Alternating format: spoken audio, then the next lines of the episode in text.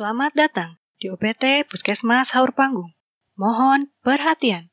Berikut kami sampaikan petunjuk keselamatan selama Anda berada di ruangan ini. Terdapat dua lantai di Puskesmas Haur Panggung, lantai satu dan lantai dua.